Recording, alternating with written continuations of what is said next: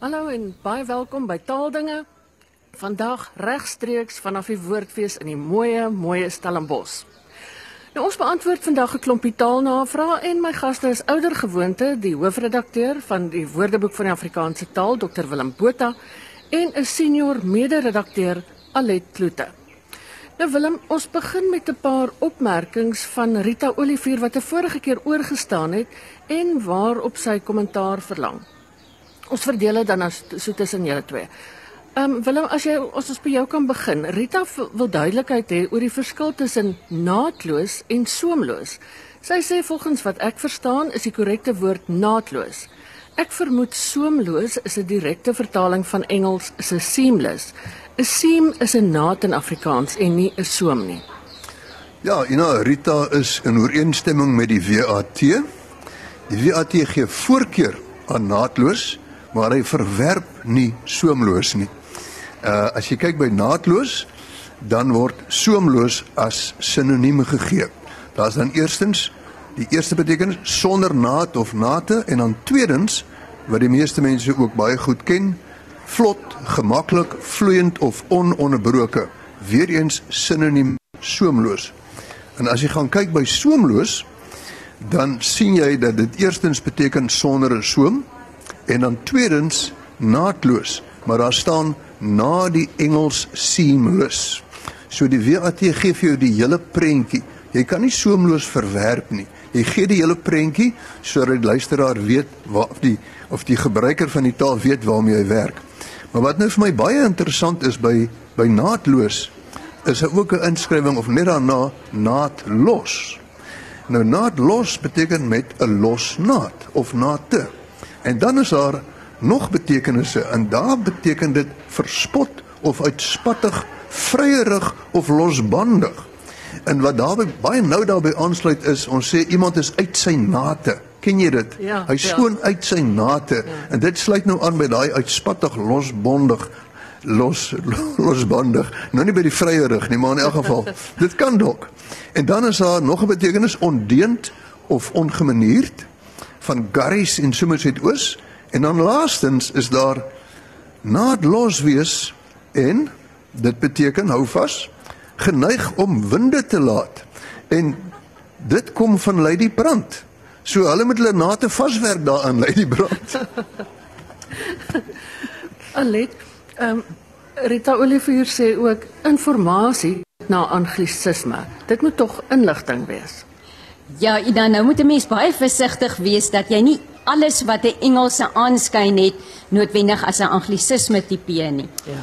Dit is sodat informasie reeds in Nederlands bestaan het en wel in die vorm informatie. En informatie kom uit Middelnederlands. Nou dan dink ons aan 1200 tot 1500 en daar was dit informasie met 'n C I E. So ons kan nie sê dat inligting noodwendig 'n anglisisme is nie omdat dit ons, ons dit as erfgoed van Nederlands gekry het. En dis mos baie keer die geval dat ons dit via iets kry en dan dink mense dis 'n uh, anglisisme terwyl dit nie is nie. Dit is so, dit moet 'n direkte ontlening aan die Engels wees. Willem, ehm um, weer nog steeds Rita. Ek hoor mense praat van graad 0. Dis tog nie 0 nie, maar wel 'n O wat vir ontvangsjaar staan, soos die Engels graad R het wat vir waar die R vir reception staan. Ja, dit is nogal 'n groot verwarring. Ek hoor ook net altyd graad 0 en graad R. Maar ek het gaan praat met die hoof van 'n voorskoolse sentrum in die Parel en op Stellenbosch met iemand van die fakulteit opvoedkunde. En die waarheid is dat dit eintlik graad O in Afrikaans en dit staan vir ontvangsjaar. En die graad 0 en die graad R wat jy hoor is beide eintlik verkeerd.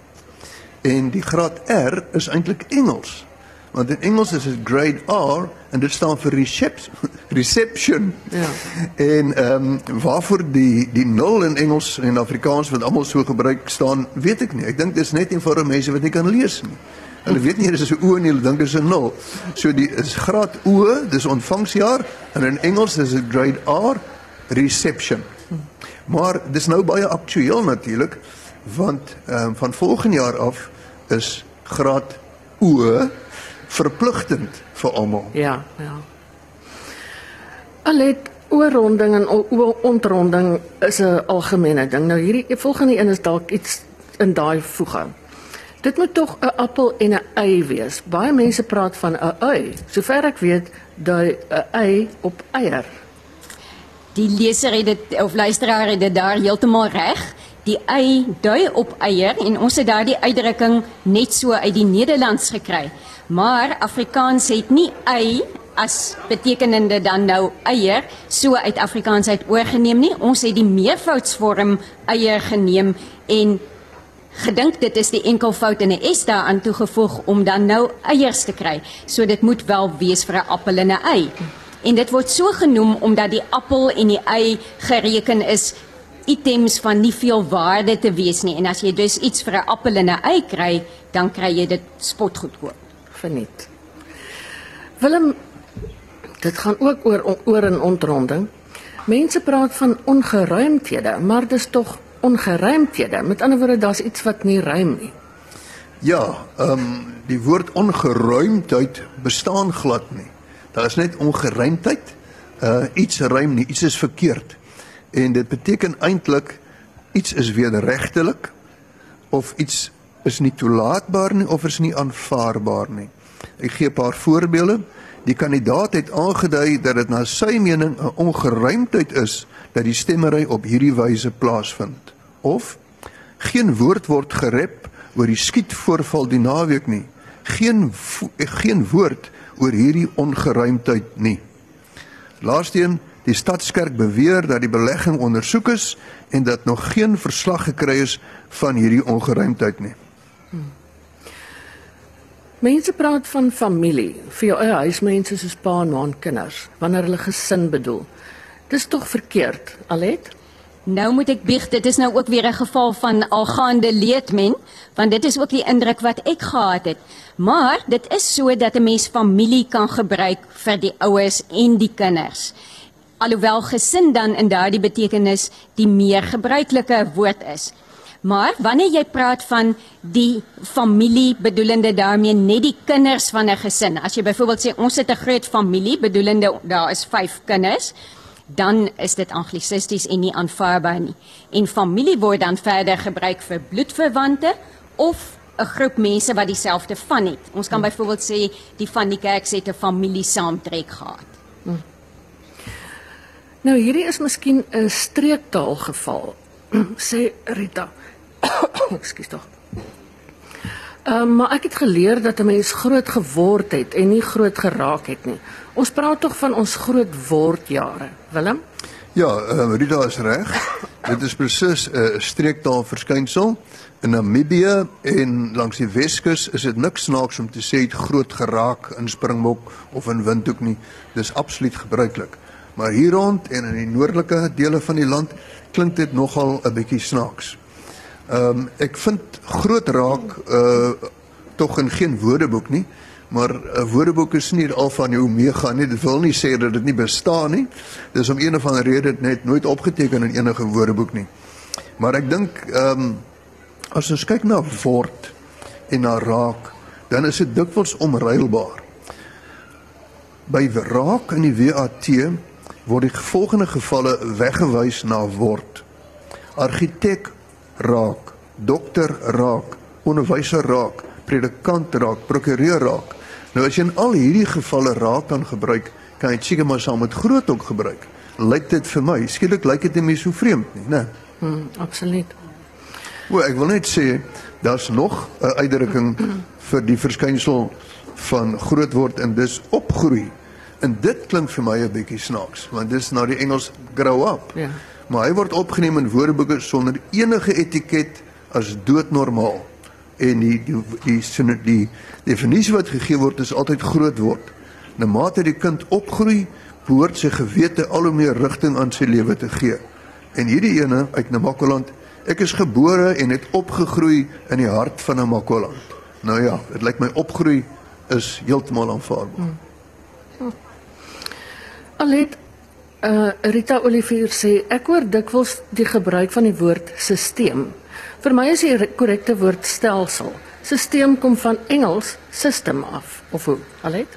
Goed, dis 'n baie simplistiese manier om daarna te kyk, want ons het in Afrikaans beide woorde, stelsel sowel as stelsel. En albei hierdie woorde is polisemies. Hulle het 'n hele reeks betekenisonderskeidings. Ek dink stelsel het 7 betekenisonderskeidings in die bewerking in die WAT en stelsel 12. Maar wat nou interessant is, is dat in sommige betekenisonderskeidings stelsel die voorkeurwoord is en in ander betekenisonderskeidings is stelsel die voorkeurwoord. En ek sou die luisteraar aanbeveel om miskien te gaan kyk na daardie artikels in die WAT en vir haarself te vergewis van in watter gevalle gebruik 'n mens dan nou stelsel en in watter gevalle stelsel. Willem dan word gepraat van water spaarsaam gebruik in plaas van spaarsamig. Watter een is korrek? Ehm um, ek dink nie Ina een is korrek en die ander een verkeerd nie. Ehm um, dis eerder 'n geval van een word meer gebruik as die ander. En in gevalle soos hierdie is dit dikwels die korter ene wat wen. In spaarsaam is 2 liter grepe, spaarsamig is 3 liter grepe. En ek dink dis wat hier gebeur. In die WAT word voorkeur gegee aan spaarsaam. Die definisie kom daar, maar spaarsamig word ook opgeneem, maar hy word verwys na spaarsaam. Ehm um, net 'n voorbeeldsin met spaarsaam. Daar is geld beskikbaar om studente te finansier as die regering spaarsaam is. Maar jy kon dieselfde gedoen het met spaarsamig. Dis net dat spaarsaam meer gebruiklik is as spaarsamig.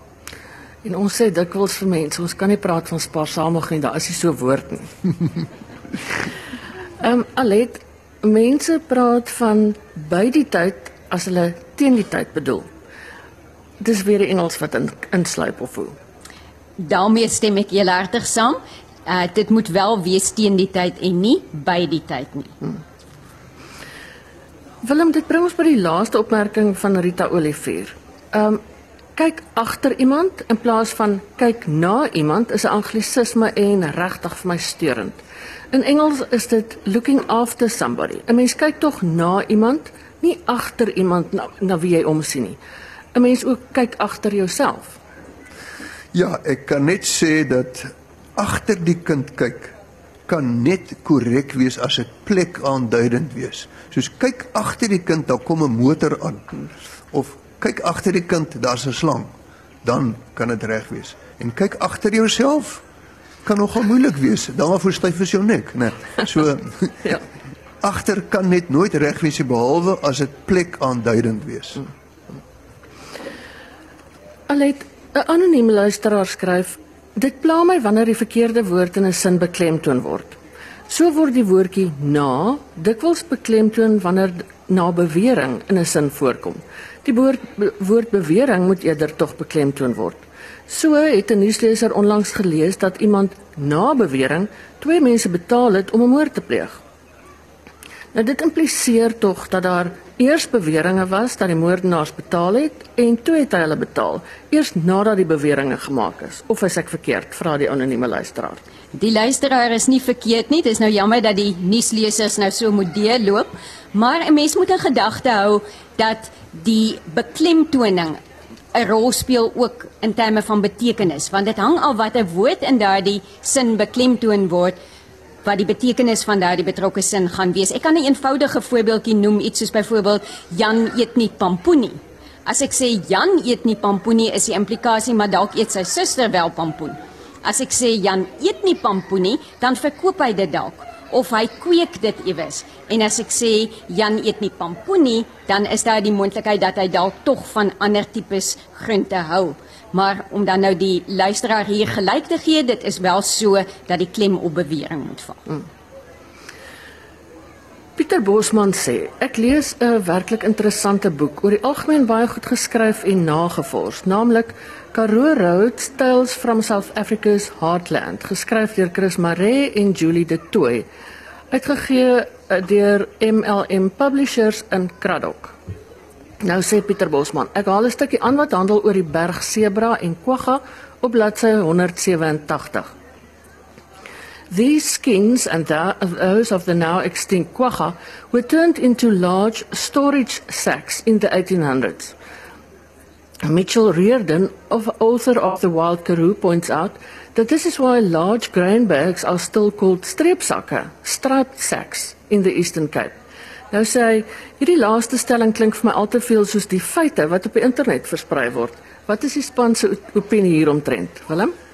Uh my opinie Ina is dat dit verskriklike mooi sakke moes gewees het as dit Ja. bestaan het.